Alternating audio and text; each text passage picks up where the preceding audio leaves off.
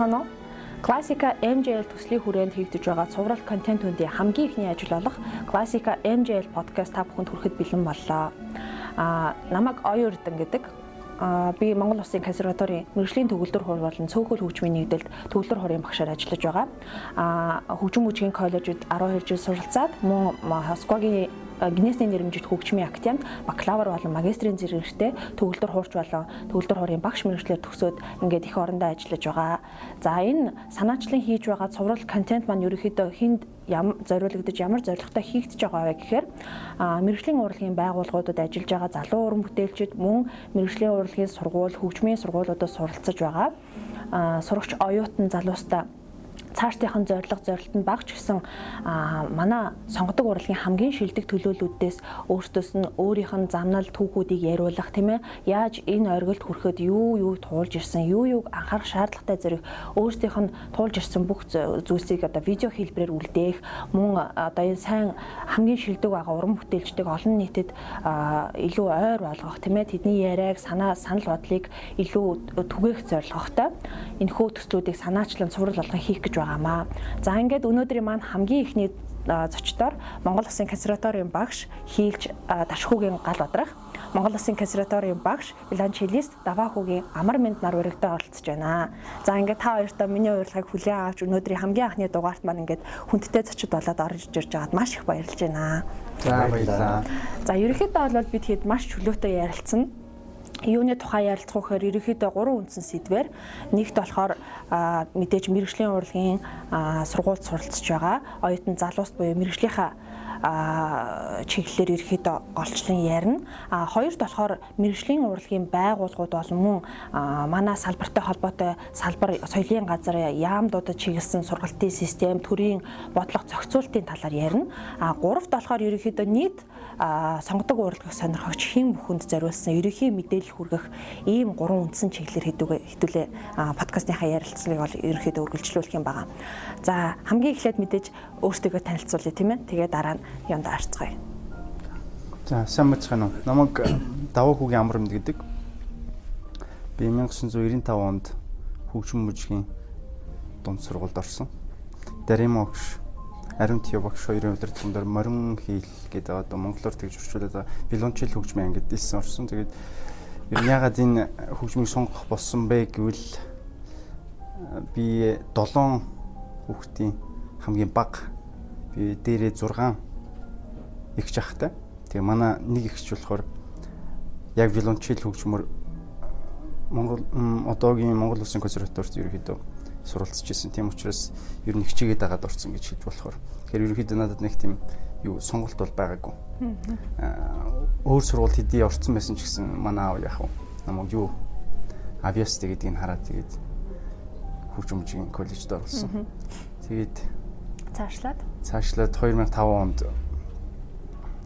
сургуулаа төгсөөд 2005-аас 2007 онд Дэлхийн нэгдсэн коллеж, Адриатикийн Дэлхийн нэгдсэн коллежид олон улсын англиас хөрөнгө одоо тэтгэлгээр суралцдаг 100% тэтгэлгээр суралцдаг тийм олон улсын сургуульд Trio di Parma, Trio di Trieste гэсэн мундаг Италийн багш нар дээр төгссөн.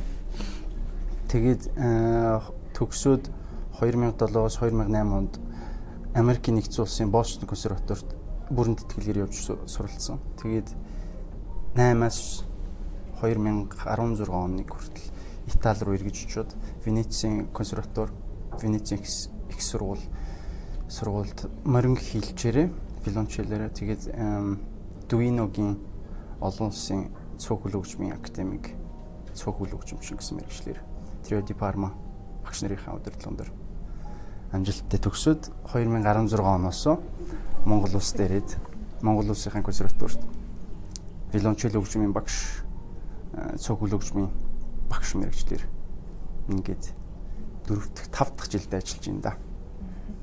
За галаахаа. За намайг Дашгуугийн гал удрах гэдэг. Аа 1990 онд хөгжим мужийн коллежид илсэн орсон. Тэгээд 2002 он хүртэл аа жаргал багшийн удирдлагад ор суралцж төгсөөд 2007 онд шивэдийн шивэд улс руу явсан.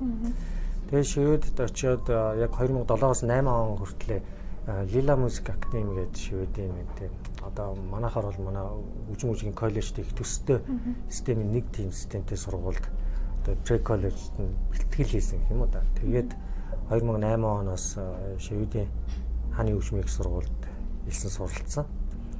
Тэгээд тэнд бол Бернт Люсел гэдэг мундаг хилчийн удирдлагадор амжилттай суралцаж төгсөөд 2012 онд Монгол буцаж ирээд тэгээд 12 оноос 13 он хүртэл хүчм үжигийн коллежид багшилсан нэг жил. Тэгээд нэг жил багшилсныхаа дараа буцаад Америкийн нэгдсэн улсын Бостонын Бостон консерваторид суралцахаар яваад тэгээд тэндээ 14-өөс 16 оны хооронд Маркус Плачи гэж хийлж багшийн удирдлаганд ор суралцж төгсөөд Тэгээ 17 онд Монгол буцаж ирсэн. Тэгээ одоо 17 оноос хойш Монгол Улсын консерваторт утсан хөгжмийн тийм хийлийн багш тэгээд нөө цогөл хөгжмийн багшаар ажиллаж байна. Тийм.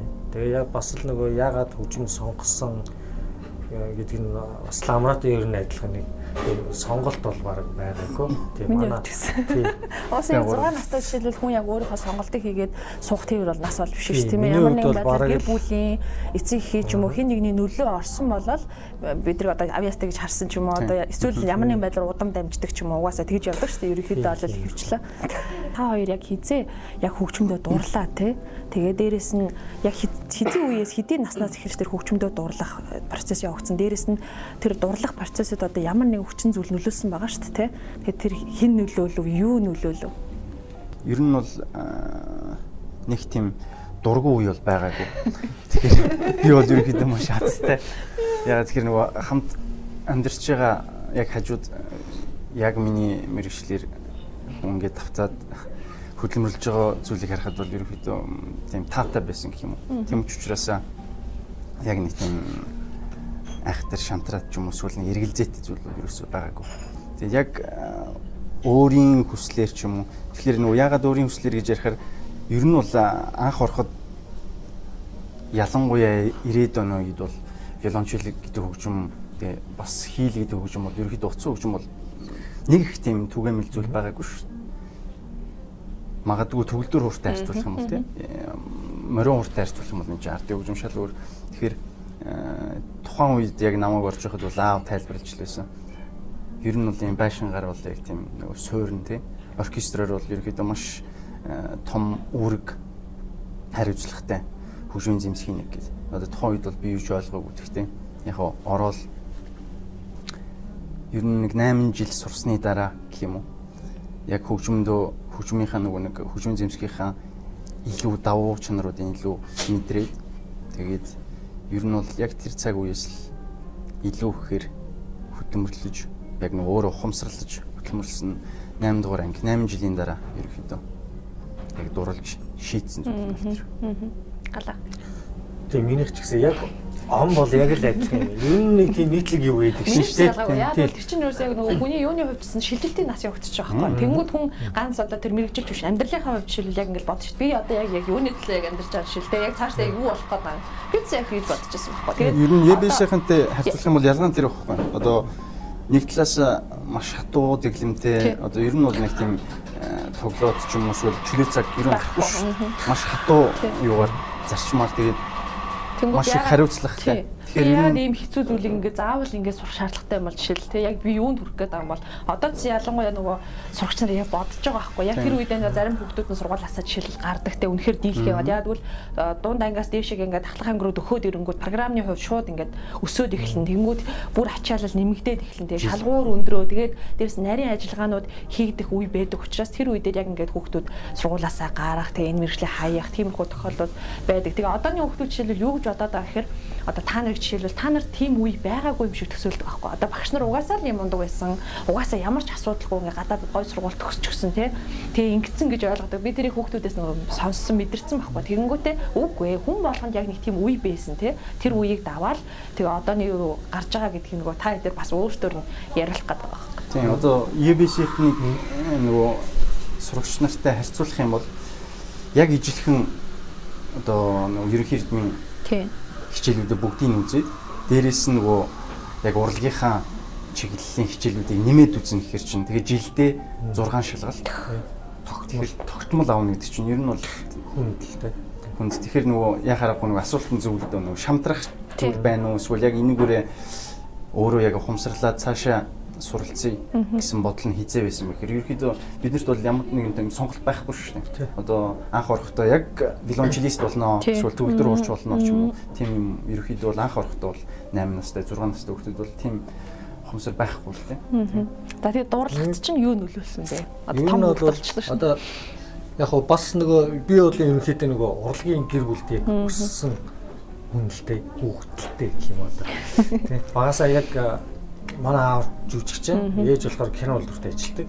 Тэгээд би өөрөө одоо нөгөө босоод ахыг хичнэрээ бодвол цэцэрлэгт яваагүйгээр явцлах. Тэгээд дургүй байсан юм уу мэдгүй гарц цухтаад байсан юм шиг байгаа янз тэгээд Тэгэл э, нэг бол аавын ажил дээр, нэг бол ээжийн ажил дээр. Тэг нөгөө хоёр чи яг цэцэрлэгт яваагүй. Тэгээ ажил руугаа аваа явдаг. Тэгэл кино үйлдвэрийн нөгөө заалаар нэг бол явж гин эсвэл хүүхд залуучуудын театрын тэгээд нэг тайзан дээр ингээл ингээл тэгээ явж идэг яг тиймэрхүү байдлаар өссөн байхгүй. Тэгэл яг том болоод ингээл арай жоох ингээд юу хагаад ирэнгууд нас нь ингээ яваад ирэхээр манай аав болвол ингээ надтай яг ингээ жоохон том болоод ирэх үед бол яг нэг тийм урлагийн хүнтэй харьцаж байгаа юм шиг ингээл нэг тийм айгүй ингээл мэрэгжлийн зэрэгжлийн юм яриад л тэр айгүй бүр юм ноцтой ингээл тийм юм яриад тэгж яваад байсан л та. Тэгэл яг л намайг ингээд сурж байгаа хүүхд биш зүгээр ингээ уран бүтээлч хүн ийм байдаг гэдэг байдлаас нь юмнуудыг тайлбарлаж өгдөг гэсэн хэрэг одоо юм. Ихтэй юм уу гэл. Тэгээд яг 8 дугаар ангид орж ирээд нөгөө усан шалгалт өгөөд. Усан шалгалтын тэр хугацаа надад бол айгүй одоо юм өгөөчтэй ч юм уу нөлөөтэйс ягаад гэхээр нөгөө яг дөрөв зохиол аваад тэгэл урт хугацаанд чинь нөгөө нарийн ажиллах боломжтой тийм боломжтой бол яг өөрийнхөө хүсснээр нэг юм хийх боломжтой болж ирээд яг тэндээс эхлээл ерөнхийдөө илүү их дурлал тэгэл одоо 9 дугаар нэг хуучны 4 курс гэдэг байсан шүү дээ. Тэндээс бол тэгэл бүр аль хэдийн ингээл ерөөсөө ингээд хөгжмөстэй салж чадхаагүй болцоо одоо ингээд манай найз нар энэ төр бол ингээд ядаргаатай наад хөгжмөө орхичооч өрөөндөө орхичооч гэж дандаа гэдэг. Би ингээд хэрлүүгөө байн гүрж явдаг. Тэгээд орой бид нар чинь ингээд давтал нэг 10 мороо гэл гардаг байсан шүү дээ. Тэгээд гараад өглөө нь буцаал нэг 7 8 гэл эрхийн хооронд ингээд заавал энийг авч явах ямар шаардлага байна. Тэгээд нэг тийм хүчмнөөс ингээл салмааргүй санагдал аваад явмаар санагдаад идэг нэг тийм болцсон байсан юм тэр үсэг. Төгөлдөр хурцдаг байсан бол манайх чи тийм онцлогтой байхгүй. Одоо яг л нөгөө хувь хүний эзэмшил гэх юм уу эсвэл яг нэг хамтрагч гэх юм уу. Одоо жишээлбэл юу штэ.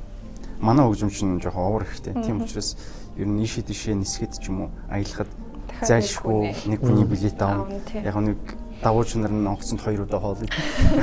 Тэр чинь нэг суулд идэж байгаа болохоор тиймэрхүү нэг юм байгаа. Тэгэхээр э, өөр хинч хөрөх хөрөх хэрэг байхгүй. Угсаа тэр хөгжмийг яг өөрөө л өөрийн гэсэн характертай, өөрийн гэсэн тийм онцлогтой тийм үү болохоор энэ урлагчтай хүүд яг нэг бодлын амар тийм авч болохгүй даа. Очих болгонд өөр хөгжим байх учраас тэр болгонд таарч шаардлагатай. Тийм. А тэр нь ч бас хөрвж чаддаг хүн байна. Хөрвж чадахгүй паникнд орох жишээл конкурсны үед бол тэр хэцүү байхгүй жишээл ямар ч хөгжим таараа байлаа тий. Сонголтгүй жишээл ганцхан хөгжим байх юм бол. Тэгэхээр тэр дорнгоос одоо жишээл зүүн э, доотлын регистрын айгу чанга дуурч эсвэл педал айгу нялчдаг борлол чинь тэгээд асуудалтай. Тэр талаараа нэг бодлын амар, нэг бодлоороо бас хэцүү. Одоо чинь юу конкурсуудад юу яагаад байна шүү дээ. 4 5 төрлийн хөгжим хөгжмийн сонголт байгаа шүү дээ. Ер нь. А маань бол тийм багш шүү дээ. Тийм харин яг энийг бол бас нэг э, юутэй. Сонголттой бол бас. Ер нь одоо энэ сурагч нар оюутнуудад ч гэсэн ер нь хэлэхэд яг тийм нөгөө илүү одоо чинь нөгөө нарийн мэрэгжил ингэж яваад байгаа шүү дээ. Тийм ч учраас нөгөө мэдрэмжийн зүйл дээр ер нь бол дан ганц одоо мэдээж сургуулаа төгсөөд ч юм өөр тийшээ явж суралцсан шүү. Тэгэхээр ер нь нэг ийм зүйл байдаг гэдгийг бас ойлгох. Харин тийм дан ганц одоо Yamaha ч юм уу Beckstein ч юм уу тийм зүйл биш шүү дээ. Fazioli ч юм уу зөндөө олон төрлийн хөгжмүүд байгаа болохоор яг нөгөө хайсан өнгө болох. Тэгэхээр ерөнхийдөө хөгжмийн зэвсэг чинь юу яаш штэ. Нөгөө дотроо бодож байгаа зүйлийг л гараар дамжуул толгоо зохицуул толгооны зохицон зохион байгуулалтаар гадагш нь гаргаж байгаа шүү. Хөгжмийн зэвсгээд дамжуулж тэгэхээр одоо өөрийн биеэ 100% удирддаг шиг яг тэгж гарна гэхээр маш их мэдрэмж. Тэгээ мэдлэг аягүй сайтай байна. Уус яг дотоод хувь хүн ямар байгаа яг тэр бол яг тоглож байгаа хөгжмөр нь шууд ууршигддаг тий. За дараагийнх нь болохоор юу вэ? хөгжмөндөө дурлцлаа тий. Тэгэнгүүтээ мэдээж хүн болгонд нэг бишгэл байгаа тий. Зарим хүүхдүүдийн жишээл гар нь өвддөг тий. Эсвэл зарим нь одоо ямар нэгэн байдлаар нөгөө нэг тайцны айц гэж байдаг шүү тий. Тэрийгэ давж чадаагүйгээс болоод дараа нь ямар нэг асуудал гардаг. Үнэхээр сайн тоглодог мөртлөө үнэхээр тайзан дээр гарч чаддгүй хүмүүс бас байдаг тий. Та хоёрын тэр асуудал нь юу байсан бэ? Бэрхшээл асуудал яг суралцж байх үе. Яг бэрхшээл юм ер нь яг бидний үед чинь нэг юм одоо мэдээлэл жоохон бага байдаг гэсэн шүү дээ. Тийм мэдээлэл маш бага, жоохон ч биш ер нь маш бага байдаг гэсэн. Яг интернетээр ингээл ороод одоо нэг шиг YouTube-ээс хүссэн бичлэгээ үзээж юм. Юу нэг 2010-ад оноос хойш ер нь арай гайгүй болж гисэн. Тэгээд бол зүйл байхгүй. Тэгээд одоо ингээл одоо бидний яг ингээд нэг үеийнхэн бол бүгд мэдэн те нэг манай аудио видеод нэг хідэн кассет байдаг. Хідэн пенс. Хідэн пенс хідэн кассет. Яг тэр бол ингээд ерөөсөө ингээд хөгжмөд ингээд гадагшаага гарах бүх юм ерөөсөө тэр тэгээд нөгөө нэг нэг хевцийн нэг мастер класс байна те. Чайковскийн 150 жилийн нэг бичлэг байна тэгээд одоо Йоямогийн нэг хідэн юу гээл ойстрах ганц нэг За Ростроповичийн нэг дүүршгийн концерт байдаг байлаа. Тэгэл тэгэл болоо. Тэгээд тийм зүйлүүдээр л одоо одооныхаар бол ингээл үзэж нөгөө нэг ингээд одоо орон зэрэг авах юм уу те ингээд юу авах нөгөө бичлэгүүдээ нэг сайхан үзэж авал заа нэг сайхан давхтай та гэл нэг байнга үз шүү дээ. Тийм байнга үз бүр ингээд одоо барыг тэр нөгөө нэг кинон дээр гардаг ш нэг үгийн зээжсэн ингээд дагаа хэлээд идэг шиг бараг л тэгтлээ үздэг ус. Тэгээ яг тиймэрхүү зүйлүүд жоохон дотмог байсан. Гэхдээ одоо зүгээр ингээд би эргээд бодохоор яг тим нь тим одоо ингээд жоохон мэдээлэлэр ч юм уу тийм зүйлээр дотмог байсан яг эргүүлээд биднийг айгүй өлсөглөн болгосон юм шиг байна. Юмыг ингээд тийм мэлхгээд яг ингээд хайгаад ирж байгаа зүтгэдэг тий. Тий. А тэгээд э, одоо яг тийм тухайн үед бол яг тиймэрхүү мэдээллийн яг зарим үед ингээд нэг иймэрхүү бичлэг ч юм уу юм моо ингээд хайгаад үзэх ерөөсөө олдох тийм боломж байхгүй.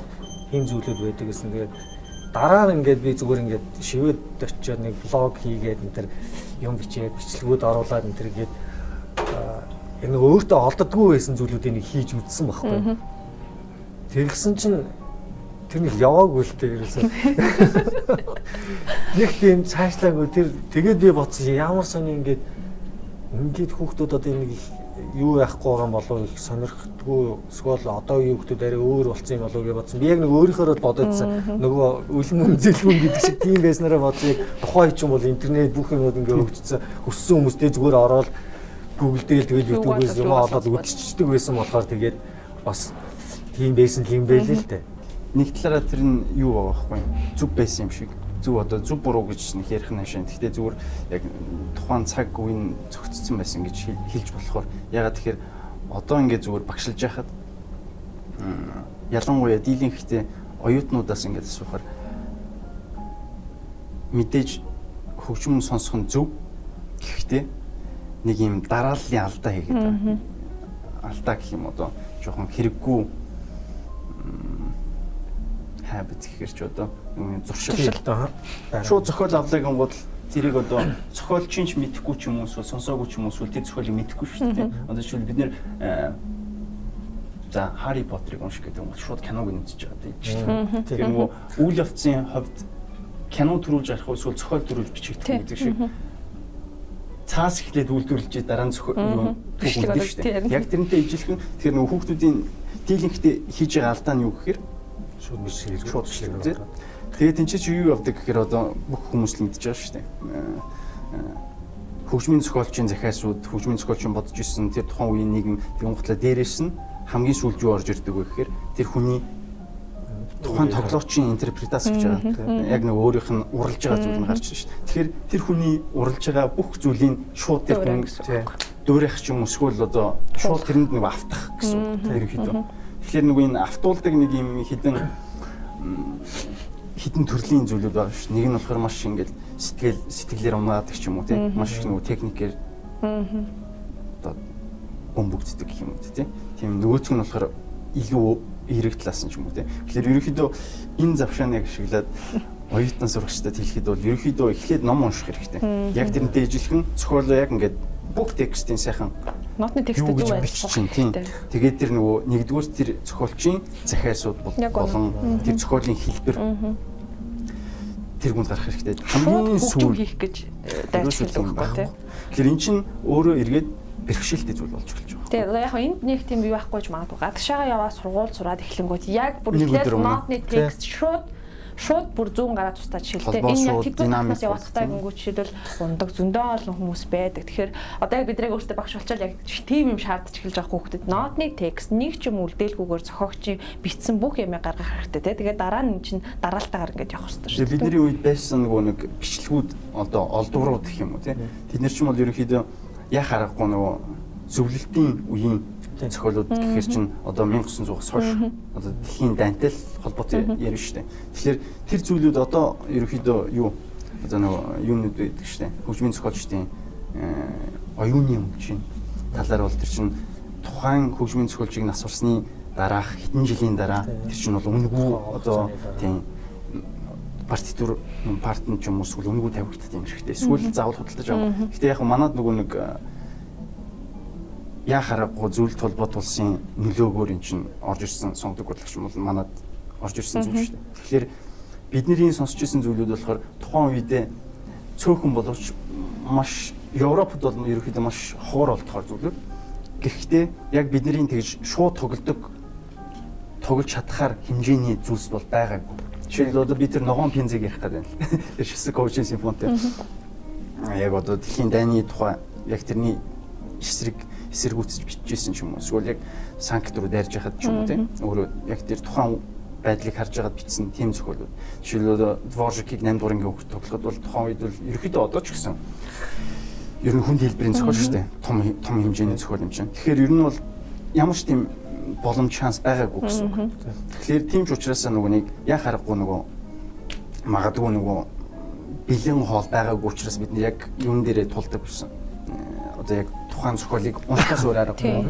Тэгээд тэр чинь мэдээж нөгөө уншихын тулд нөгөө онол листа унших тийм side reading шууд ингээд харж унших. Тэр зүйлүүд яа харахгүй ингээд бага багаар давхар хөгжин гэсэн. Нөгөө талаас бэрхшээлтэй тал гэх юм бол одоо ч гэсэн байгаа хүн болгонд байгаа зүйл ихээр хөгжмийн зэмсэг. Одоо түрүүн ч гэсэн ярьсан тийм төгөлдөр уурчид хэдий ч гэсэн өөрсдийн хөгжмөн ингээд авч аялдаггүй ч гэсэн Гэхдээ хоёр хөгжимч байсан ч тийм аялдаг. Тийм тийм ч гэсэн одоо бидний үед хэрэглэгдэж байсан хөгжмийн сүрүүд байхгүй шүү дээ. Тухайн үед одоо Германы нэг үйлдвэрийн хөгжмөнүүд Оросын үйлдвэрийн хөгжмөнүүд байсан бол одоо ер нь бол байхгүй. Тэгээд хөгжмийн зэмсэг яг тухайн хөгжим хөгжимчөнд илүү нөгөө нэг бодол санааг нь гаргахад тухайн зохиолыг зөв үнэн зөвөөр гаргахад тус болно гэснээс одоо дийлинхтэй манад болохоор тэрний илүү их юу болчиход байгаа юм. Ус болохоор юм. Илүү их ингээд ажиллах шаардлагатай. Дан ганц өөрөөс нь биш хөгжмийн зэмсгээ илүү их гаргадаж их юм. Илүү ухаан зарж. Энэ бол маш юутай. Маш хэцүү зүйл. Ялангуяа энэ үлээвэр хөгжим. Одоо ер нь бол юм дуучдыг хэлэхэд ч гэсэн хэдий одоо бичлэг сонсох зөвч гэсэн хэрвээ текстээ уншаачгүй юм уу? Эсвэл ямар нэгэн одоо уурлах гэж байгаа хэлэх гэж байгаа зүйлээ мэдхгүй байжж шууд тэгж ер нь бол тийм. Ингээд шууд авдаг бол зүйл бол биш. Тэр яг нөгөө цагаан цаасан дээр шууд ингээд хүний имийг копид тавьж байгаа бол яг ижил тэгэхээр тэр дараа л бол маш зүг байх хэрэгтэй. Тэгээд гар халаалт яг тамирчинтай нэг төрлийн тамирчидтэй ажиллах шүү дээ. Гараа халаалт. ажиллаж байгаа шүү тийм ээ. Тэгээд одоо толгой толгой ус ажиллана шүү дээ давхар бүх юм Тэгэхээр ер нь энэ дарааллуудыг яг одоо тухайн үед бид нэр асуудагч байсан юм уу эсвэл ер нь бол дийлэнхтэй тэгж нэг юу яадаг бай зүйл бол байгаагүй шүү дээ. Энийг яг бол ингэж хийх хэрэгтэй. Дараал нь ингээл зөв юм одоо ер нь ерөөхдөө тийм чөлөөт яриамаар юм бол бид нарт ер нь тутамаг байсан тий. Ер бидний нөгөө сурж явах үед дутаг байгаа шүү дээ. Харин ярихгүй шүү дээ. Бид нар одоо нэг завгүй байсан баахгүй тий. Сургалтын нэг нэг алдаа биш л дээ. Гэхдээ нөгөө бүх зүйл дээр тийм байна шүү дээ. Багш ярина. Сурах зонс нь хийн. Тийм. Тэгэхээр одоо энэ нөгөө талаас эн чинь юутай маш зөрчилдөж байгаа. Хөгжимтэй. Энэ энэ сургалт бол. Тийм ч учраас нөгөө нэг илүү бүтээл сэтгэлгээтэй хүн байгаагүй шүү. Харин тий. Заавал нөгөө хийдэг. Одоо манайхан бол тэгдэг л байсан шүү. Ер нь тэр нөгөө зөвд холбоотулсан тэр зарчим чи ер нь бол тийм шүү. Хүн болгон ажиллах ёстой. Ёстой. Хэрэгтэй биш. Ёстой. Тэгээд багшийг сонсно, номд мөргөн багшид мөргөн. Тэгээд өөр юм байхгүй. Тэгээ нөгөө талаас энийг хэтрүүлэх юм бол угаасаа жоохон буруудлага байна. Одоо жишээл миний одоо нөгөө энийг санаачл одоо хийх болсон шалтгаан жишээлбэл юу байсан бэ гэхээр сая корона боллоо шүү дээ. Ковид 19 гараад бид нар ингээд 1 сараас 9 сар хүртэл ингээд хаалттай байлаа тийм ээ. Хүүхдүүдэд дандаа онлайнаар харьцажсэн. Тэгээд хүүхдүүд маань юу үзчихсэн гэхээр одоо нэг өөр төрлийн влогууд тийм нэвтрүүлгүүд подкастууд сонсоод тийм үүдээ хэрэгцээ нь одоо үнэхээр ялчгүй байгаа юм чинь тэднэрт өөр сонсох юм алга байна чинь мэрэгжлийнхаа чиглэлээр ч юм уу. А тэгээд миний хувьд юу байсан гэхээр бидний үед одоо ингээд дээд үеийнхаа хөгжмөдөө сайн байсан гадаадад сайн энэ чиглэлээр явж байгаа амжилттай явж байгаа бүх хүмүүс ингээ мэддэг жишээл дээд үе сайн мэддэг те. Тэгээд тэр хэд маань одоо буцаад их орондоо ирэх ч юм уу ямар нэгэн байдлаар тэр хэдээс юм асуух нэг сонсчих юмсан гэсэн одоо хүсэл байсан. Тэгээд ямар нэгэн байдлаар холбогдох одоо тэр гарцыг өөртөө олж хайдаг байсан. Одоо болохоор хүүхдүүд маань ерөөхдөө бол бас дээд үе ерөөхдөө ингээд нөгөөдөл маань ингээд багш болчихлоо шүү дээ нөгөө сайн байсан хүмүүс маань тий. Тэнгүүд ингээд багш сурагчийн харилцаа гэж бас жишээлбэл өөр тий. Хичээл орж яхад багштайгаа одоо жишээл гал багшаа би тайс нэг юм. Асуусан амар багшаа нэг та ингээд сургуулийнхаа талаар яриач гэхэд үндэ бид нарт ч зааваалга дээрэс нь юм ярилцах тийм нөхцөл болцооч бид нарт ерөөхдөө одоо хомс байгаад байна тий. Ажлын одоо цаг ачаалаас эхлүүлээд. Тэгээ тийм учраас ямар нэгэн байдлаар бид нар хоорондоо ярьдаг одоо энэ асуудал те жишээлбэл энэ хүүхдүүдэд хэрэгтэй гэж боддог юм а видео болгоод үлдээвэл дараа нь хүүхдүүд хизээч хамаагүй дараа өөр үеийнхэн ч магадгүй сонсох боломжтой гэсэн үүднээс цуврал энэ юунуудыг санаачилж хийж байгаа байхгүй. Бол бид нар жишээлбэл тийм айгүй хэрэгтэй байсан. Одоо тэгэл яаж одоо Итали явсан юм бол те тэнд одоо ямар байдаг юм бол яаж Герман явсан юм бол тентхийн сургалт нь ямар юм бол бидний үед жишээлбэл юу гэж боддог гэсэн хэрэг за одоо ингээл баг Орос руу л явахгүй шүү те. Тэгээд одоо ингээл яг тийм үе байсан байсан. Одоо Орос руу л явж сурахгүй шүү те. Өөр газар руу л явна гэх. Тэгээ яг бол биднэрт тэр мэдээлэл айгу буруугаар ирсэн байгаа байхгүй. Тэнгүүд чи мэдээлэл хүмүүс чи яханд өөр газар л одоо тэр мундгууд нь байгаа юм шиг төсөөлөлтэй. Тэгэхээр чин тэр мэдээллүүдийг яг тэр сурсан газруудын хүмүүс нь үнэн бодтойгоор өгөх учраас тэгээд энэ контентынхаа ерөөсөө санаачилж хийж байгаа. За ер нь бол юу штэ. Одоо наа чи нөгөө буруугаар иргсэн гэдэг нь зөв л дөө. Одоо жишээлбэл еврол явахгүй бол Европ руу явахгүй бол тэгэл ер нь бол буруу гэж тэгж ойлгож болохгүй шүү дээ. Тэгээд дээрээс нь гадагшаа гарчгаар л мундаг гэж болно. Тэр өстө буруу. Одоо жишээлбэл яг э, манада доктороод төгсөөд ингээд сайн явж байгаа хүмүүс ч гэсэн байна шүү дээ. Гэхдээ энэ бол яг ер нь бол би тэгж хэлэх яг 100% тухайн хүний өөрийнх нь бодол тэгээд тэр чинь яг нөгөө өмнөж байгаа тэгээд нөгөө хөдөлмөрлөж байгаа тэр л бол тэгээд бас нэг юм захиад хэлэхэд бол ер нь бол миний хувьд би түрүүний хэлсэнд одоо Дэлхийн нэгэн коллежийг төгсчөө дараа нь Босton руу 100% тэтгэлгээр очичоод тэгээд дахиад Итали руу явцсан гэдэг яриад бас энийг одоо хүмүүс бол надаас дандаа асуудаг. Яагаад 100% тэтгэлийг авчоод буцаад буцаад Итали руу явчих вэ? Миний хувьд тэгэхээр нэг юм байна. Одоо тийчээ дахиад нэг юм сонголт хийсэн ч гэсэн ер нь бол юу гэхээр надад сургуулийн нэрээс илүү багшийн сургалт хамгийн чухал. Тэгэхээр одоо энэ юу ярих гэдэг нь гэхээр дийлэнхтэй хүмүүс одоо Оксфорд ч юм уу, Кембриж ч юм уу, одоо зүгээр Жулиард ч юм уу, Curtis ч юм уу, эсвэл Yale ч юм уу. Тийм нэг сургуулийн нэрэн дор юу ярих гэдэг. Тэгээд хамгийн гол нь мэдээж тэр нөгөө одоо үед бол тэр нөгөө юм уу маш хэрэгтэй байна шүү дээ. Диплом хэрэгтэй байна. Ялангуяа заавал магистр хэлж байна тийм. Тэгээд яг ингээд бодоод үзэхэд ерөөхдөө бол би Италид одоо нөгөө түрүүний нэг нэг юм нөгөө үе шат гэж яриад байсан тий. Ер нь бол миний үе шат нэг жоохон арай жоохон өөр санагдаад байсан байхгүй. Жишээл Итали би маш мундаг одоо Триоли Триоли гэдэг бидний миний сурсан багш нар бол төв хүмүүс. Дэлхийн дайны үеийн одоо 12 3 тагаас хамт тоглосон пиано трио гэдэг энэ цөөх хөлөгчмийн гурвал гэсэн үг. Төгөлдөр хуур хийл, виолончел тоглосон. Хамтарч тоглодог. Энэ багш нар дээр сурсан маш ядстай. Тэгээд энэ хүмүүс дээр сурсны дараа одоо Америкт Америкийн консерваторт очиж сурахад бол ерөөхдөө ялгаа нь маш өөр өөр харагдсан байхгүй. Тэгэхдээ дээрэс нь уг нь бол Дэлхийн нэгдсэн коллеж гэдэг энэ э, олон улсын коллеж хөгжмийн сургууль биш байхгүй. Манайхад одоо жоохон буруугаар ойлгодог гэж магадгүй. Энэ бол э, тусгай хөтөлбөр хөтөлбөр системтэй сургууль. Олон улсын бакалавр гэсэн тэм зэрэглэлтэй хоёр одоо ерөнхийдөө коллеж өмнөх сургалт гэсэн 2 жилийн хугацаанд тэгээд Итали дахын Триесте гэдэг одоо энэ Словен Италиг хэлэлж байгаа энэ хотод байдаг энэ сургуулийн салбар нь юугаараа давуу байсан гэхээр хөгжмийн болон физикийн гүнзгийрүүлсэн сургалттай. Тийм учраас яг уу манахаас үндэсний хороо гэж байдаг. Тэр үндэснийхээ хороогоор дамжуулж мэдээж бичлэгээ явуулна. Нөгөө 10 төгссөн юу гэрчлэгийнхээ дундаж дүнг явуулж ш тэгжиж дараа нь англи хэлээр ярилцлаганд орж ш үндэснийхээ орооноос шигшигдчихэд дараа нь цаашаа нөгөө нэг Италид очиж дүн бичлэг нь багш нар шалгуур тавигдчихж тэгж 100% тэтгэлэг авч байгаа. Энэ болохоор манай засгийн газраас биш, Италийн засгийн газар болон Английн засгийн газраас тэтгэлэг нь олгогдож байгаа зүйл. Ер нь бол. Тэгээд энэ сураад дараа нь Америк руу явхаар яг нөгөө ер нь бол жишээгээр авч ярихад жинхэнэ пицца идчихэд дараа нь нөгөө Америкчуудын хийж байгаа пиццаг идэх гээд байгаа. Тэгээ ерөнхийдөө бол ижилхэн гэсэн үг. Тэгэхээр нөгөө хүн болгоны сургалт өөрөлдөө тэгээ нөгөө ялангуяа нийгмич гэсэн өөр надад бол тэр маш том ялгаатай байсан. Тэгээ манай эхнэр ч гэсэн Италид байсан. Тийм учраас жилдээ Америкээс наашаа цааш явах тэр бол маш хүндрэлтэй. Тэгээд ер нь тийм юунаас болсон л доо одоо хүмүүсийн төсөөл бол зарим тийм аахгүй те. Гадаад яваал гой сургууль төсөөл супер өөрчлөгдөөл одоо бид нар ч яг бас тэгж бодож л явсан л та. Гэхдээ л бас яг тэр бодож байгаа шиг бол мэдээж биш те. Бидний одоо яг нөгөө хүндэлдэг сонсдог дэлхийн одоо бест хөгжимчүүд шиг бид нар одоо нэг 4 5 жилийн дотор газ супер ингээл бүр харцсангүй бид нар бол зүгээр би ойлгохтой бол манай сонгодог урлаг хөгжөөд хэдэн жил болж байгаа байлаа. А гэхэд Итали, Оросууд жишээлбэл Америкууд хөгжөөд бас хэр удаж байгаа байлаа тий.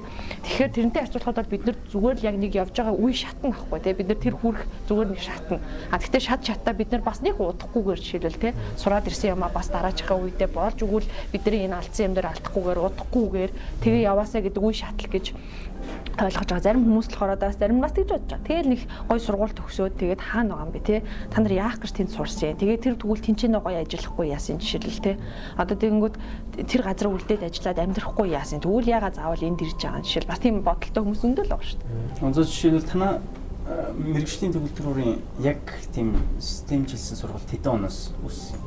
Манайх жишээлбэл 1950 оноос гэж хэлж болохоор одоо хамгийн анхны мэрэгчлэлтэнгүүд гэх юм бол одоо Чимбаа багш байна. Алимаа багш байна. Тэгээ баяр сайхан багш гэх ингээл явчихлаа л дээ. Төгөлдөр урын жишээлбэл сурвал. Одоо солон багш занаа багшаас эхлүүлээд тооцоод одоо ерөөхдөө нэг ойролцоол баг тийм. Тэгэхээр яг одоо ингээд зүгээр хоошоо ингээд ухраад харахад нэг тийм амар юу биш л байна л да энэс илүү хөгжих байсан ч юм уу тий. Хэдэн зуун дамжсан хүмүүстэй харьцуулдаг байхгүй угаасаа. Тийм. Гэхдээ зүгээр нөгөө юу харьцуулах, юу харьцуулахгүй нөгөө шингэн хатууг харьцуулахгүй шүү дээ. Тэгэхээр бас нэг тийм одоо тэхгүй бол тэхгүй яасан гэдэг шиг миний бодлоор бол тэр нэг жоохон өрөөсгөл одоо одоогийн зүгээр нэг одоо яг надад бол тий нөгөө биднес ч нөгөө бас жоохон том болоод ингээд юу яагаад би ч нөгөө ерөнхийдөө шивэд рүү явахдаа их хөгшин Хөгшин байлаа шүү дээ. 25 настай гэдэг чинь тэнд яг конст 25 настай бакалавр сурах гээд очно гэдэг чинь бас хөгшөндөө орж байгаа байхгүй насны хувьд бол.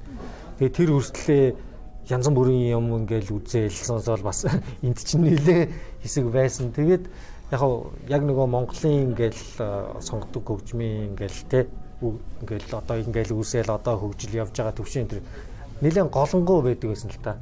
Сэтгэл дондор маш голонгоо ингээл ингэдэг жоохон гомдлонгоо маягтай. Тэгээд юунаас очиод шивэдэд очиод тэгээд сурч эхлээд ингээ хугацаа өнгөрөөд яваад нэг юм ингээл анзаарсан л та. Манай огш ингээл тоглолт болгон дээр ерөнхийдөө ингээд яг ингээд намаа гарч ирэл тоглох ингээд бүр баг бараг л нөгөө нэг бүх юмыг зарладаг ингээд Монголоос ирсэн бүр Транссибирийн замыг хөндлөн гол явж яаж байгаа бараг л ингээд бүр гэтээ тэргүй ингээд юу яаж байгаа биш ингээд маш гоё ингээд бахархалтай харахад байгаа байхгүй. Ийм тэр хол газраас манай энд ирээд ингээд яаж байгаа тоглож байгаа хөгжмөр Монгол хийлгээл. Би нөгөө төвшин ахын хөгжмөр тоглолдог гэсэн. Тэгэл тэнгууд үнэхээр тэр хүмүүсийн ингээд хувьд ингээд ягаад тэр хүмүүс тэрийг ингээд содон бүр өөр болгож яриад юм гэхээр тэнд чинь бол яг л нөгөө баах яаж юус гарч ирсэн те? Хідэн баах түүхэнд байсан те? Хідэн үеэр яаж явж иж тэр те? Йохан Себастьян гарч ирсэн. Тийм ээ тэр чин бас учир шалтгаантай шүү дээ тийм ээ. Тэгэхээр яг тэрэн шиг тэнд бол нөгөө нэг удам суудар тийм ээ хөгжмийн гэр бүл тэр дундаас яаж тэр хөгжмийн гэр бүлүүд явж ийж үе улирч ийж яаж дундаасаа яг тэр тийм ээ сод хөгжимчдийг бас тийм юунуудыг гаргаж ийн тэр нэг юм уламжлал бүр тогтцсон юм юу байгаад байгаа.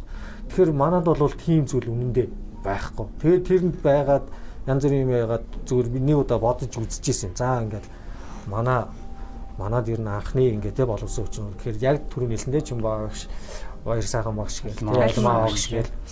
Тэгээ бодонгод нөгөө Монголын хамгийн анхны мэрэгжлийн боловсон хүчин нүд чинь яг одоо ингээд бидэнтэй хамт ажиллаад багшлаад явж байгаа байхгүй.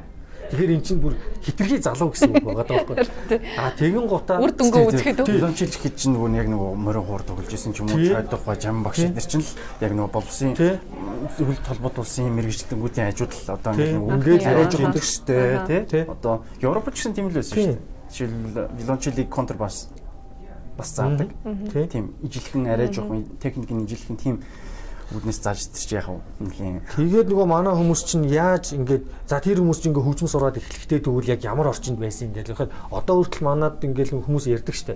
Жинхэнэ хотын одоо оршин суугчид бол одооны энэ үеэс л гарч ирж байгаа болохоос биш жишээ нь ингээд хоёлаа ярих юм бол манай аав ээж чинь л дөнгөж хотод орж ирж ингэсэн хүмүүс гэхээр хоёр дахь үе нэхэр бид хоёр яг хотын хүмүүс гэхээр бас хэцүү болчихж байгаа байхгүй юу тий Тэгэн гот яг нөгөө багш нарыгаа нөгөө анхны тэр боловсон хүчнүүд ингээ харахаар чи тэр хүмүүс тийм хүмүүс биш болж таарж байгаа байхгүй яг үнэ. Малчин гаралтай тэрөөсөө тэгэл. Тэгэн гууд ингээд бидний сураад байгаа энэ хөгжим чинь өөрөө юу вэ гэхээр тэр суурьшмал соёл иргэншлийн тий манайх чинь нүүдэл чинь энэ хоёр чинь өөрөө сэтгэлгээний айгүй том ялгаатай юм байгаад байгаа байхгүй. Юмыг ингээ сэтгээд нэг юм хийхдээ хүртэл шал өөр хоёр аргачлалаар хийдэг. А тэгээд яг ийм хүмүүс шууд тий яг тэр орчноос тийм одоо сэтгхүүгээс энд гарч ирээ тэгээд өнөөдрийн хүртэл явж байгаа ген ингээд ингээд тэгээд тэр дунд чинь бас нөгөө арчлал ирээд он гэ зөндөө юм гарсан те. Тэгээд нөгөө бидний баг байсан үегээд харахаар нэг тийм чамлаад байх яг нөгөө тэгэж бодоо тэр юмнуудыг ингээд харьцуулж харсны дараа бол надад нэг тийм чамлаад байх юм. Ерөөсөө ингээд санагдхаа байцаа. Ягаад за яг үнээр мэдгүй байсан хүүхдэл байж те бас. Юм чинь олон талаас ингэж тийм ээ. Юм хөгжинэ гэдэг чинь тийм амархан биш гэж тэгж санагдчихсэн яг тэнд байхдаа болоо. Одоо яагаад гэвэл яг одоо нэг сургуульд явах гэж байгаа тий. Одоо нэг нэгдүгээр курс хоёрдугаар курс алчихсан тий. Хаашаа явахаа мэдэхгүй тий яг нөгөө гол зорилго нь юу юм гэхээр одоо шийдэл амар мэд өгшиг харъя галаа өгшиг харъя тэгэл буцаагаал хөгжим мүжиг төрөд ирэх юм биш тий. Тэгвэл яг би тэгвэл тийш очиж сурах жишээлбэл ямар хэрэг вэ тэг явлаач гэсэн би буцаал хөгжим мүжигт ингээд багшлах юм бол жишээлбэл яг ямар хэрэгтэй ингэж бодож байгаа бас хүүхдүүд нэрсэр бол байж л байгаа угаасаа хин нэгнийхэн толгойд байж л байгаа Тэгэхээр харин тэгээ тэр асуудлууд нөгөө яг хариултын өгөөд ягаад жишээлбэл тэнд жишээлбэл ягаад яг суурь чад жишээлбэл амьдрч болоогүй, ажиллаж болоогүй, тэнцээ амьдрах ажиллах нөхцөл чинь жишээлбэл үе. Цалин хөлсний хувьд жишээлбэл Монголтой харьцуулбал хэр юм? Яг гол нь мэрэгчлэрээ тэнцээний үлдээд ажиллахад. Тэгэд ерөнхийдөө бол яг төгсөөд тэн төгсөн газраа ч юм уу те Швед юм уу Америкт юм уу ажиллах боломжийг ер нь бол хүн өөрөө л яг хүсвэл гаргаад ямар нэгэн тийм ээ чиглэлээр ямар нэгэн өвөө таалгыг нээж болно л да. Яг миний хувьд ягаад хүрээд ирсэн бэ гэхээр ерөнхийдөө багасаа нэг тийм одоо ирээд одоо Монголын одоо жоохон хинээтэй бодлох юм одоо нэг тийм хүсэл байсан. Тий. Буцаж ирээд сургуультай багшлаа, тийм ийм ингэж өөрчлөж ийм юмнууд ийм гэсэн. Тэр маань бол байсаар байсан. А тэгээд дээр нь нөгөө багасаа нэг тийм гэр амтай юм гэж яддаг юм шүү дээ. Тэр чинь их чухал байдаг юм байна.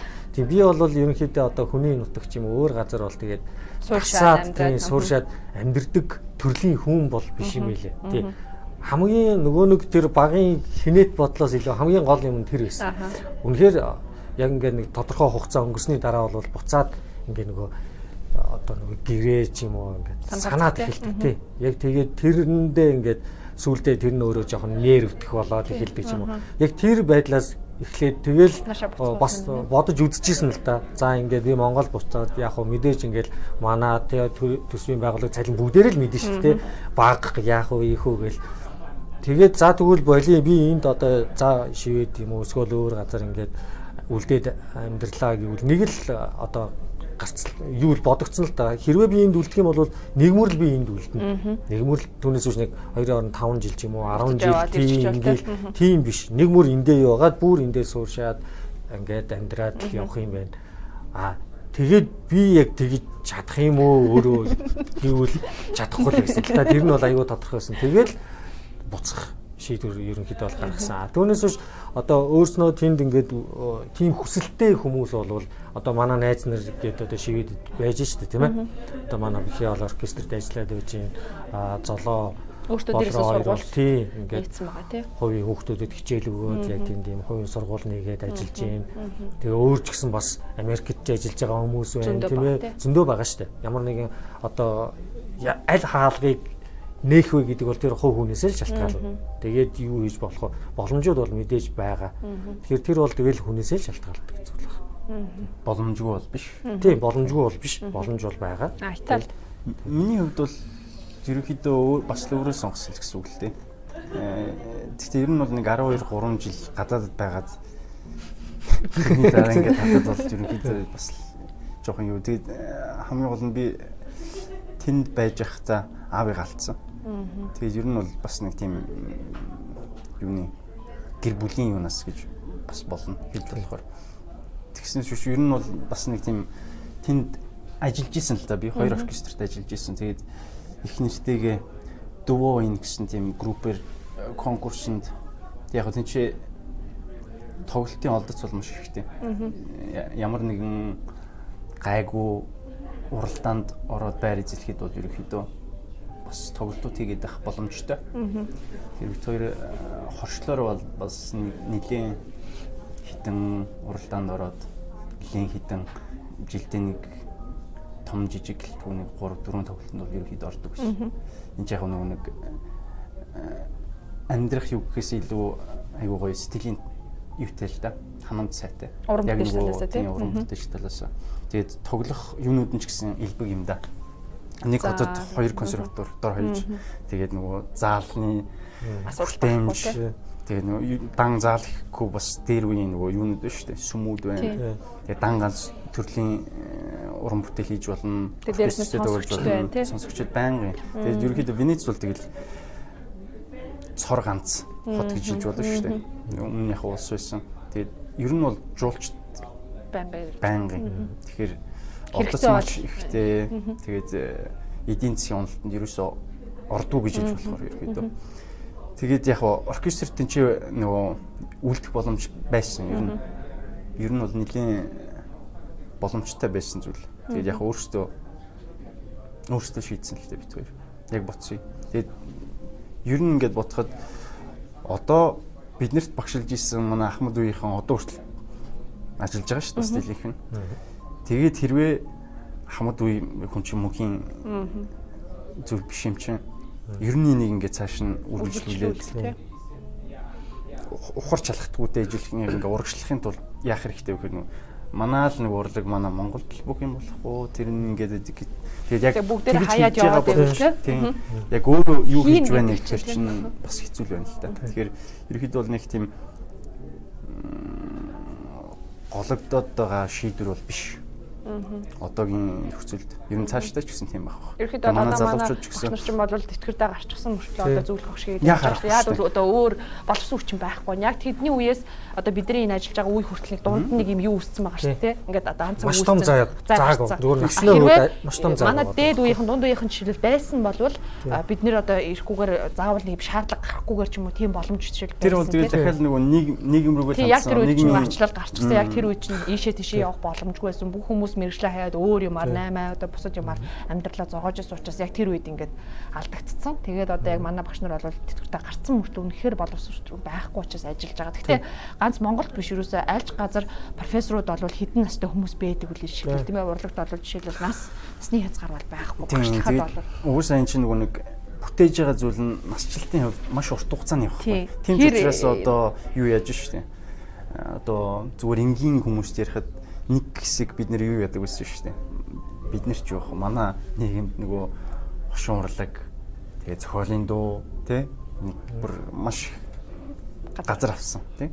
Тэгээ одоо ер нь ингээд харахад арай гайгүй хугацааны урлаг бол бас хэр урагтаа тэгээд нэг юу яагаад байхгүй нураад унчаад байдаг. Ер нь бол тэр тэгээд одоо ер нь юу энэ завшааныг ашиглаад нөгөө нэг хуваараа ч юм уу эсвэл яг нөгөө мэрэгжлийн хөгжимчин болох гэхээс илүү яг урлагт дурлаад ингээд хуваараа сурч байгаа хүүхдүүдэд хэлэхэд одоо ялангуяа дийлэнхтэй эцэгчүүд нь хэлэхэд нэг хамархан үр дүн хайгаад байдаг шүү дээ бүх зүйлээс.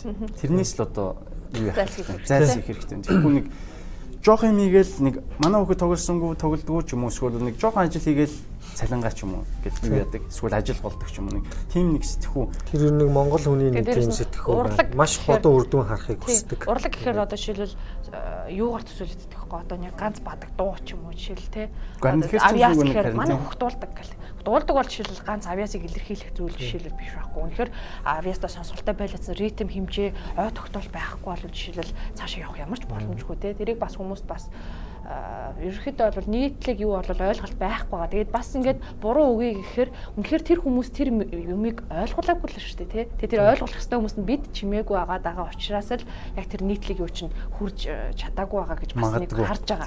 Тий. Тэгээд тийм учраас бас нэг иймэрхүү юм хийгээд хүмүүс одоо хамгийн хэрэгжилж байгаа сошиал юун дээр нь тавих юм бол хүмүүс бас ингээд ойлголттой болоод оо эн чинь ингэдэг юм байна. Одоо жишээл бас бас зарим гарч дээ Тэгээд 6 настайгаас 7 настайгаас яг ямар хэрэгтэй? Тэр хөгжимчүүд тийм хэцүү дуустдаг юм. Юугээ сурдаг те? Хэдэн ингээл 20 хэдэн жилээрээ сураал тэгэл бид нэр дахиад сурч дуусаагүй л байгаа шүү дээ те. Тэг яг юугийн сураад идэв? Нарийн нарийн ч гэдэг. Тэр нарийн юм чи яг юу нарийн ингээл бас гайхчлаа шүү дээ те. М ямар нэгэн тийм юу эдийн засгийн ч юм уу?